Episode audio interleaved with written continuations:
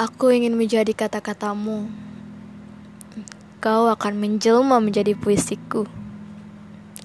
Kita akan hidup dalam satu buku dan terselip di antara puluhan buku dalam sebuah rak mungil yang kita buat dalam usaha kita sendiri. Kita akan menyembuhkan manusia yang hilang arah. Kita akan hidup untuk menghidupkan orang.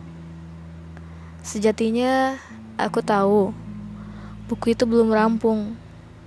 Masih ada yang tidak sejalan. Meskipun kau dan aku jalan-jalan terlebih dahulu, menikmati senja, menikmati gurauan burung-burung yang bahkan tidak aku mengerti apa yang mereka perdebatkan.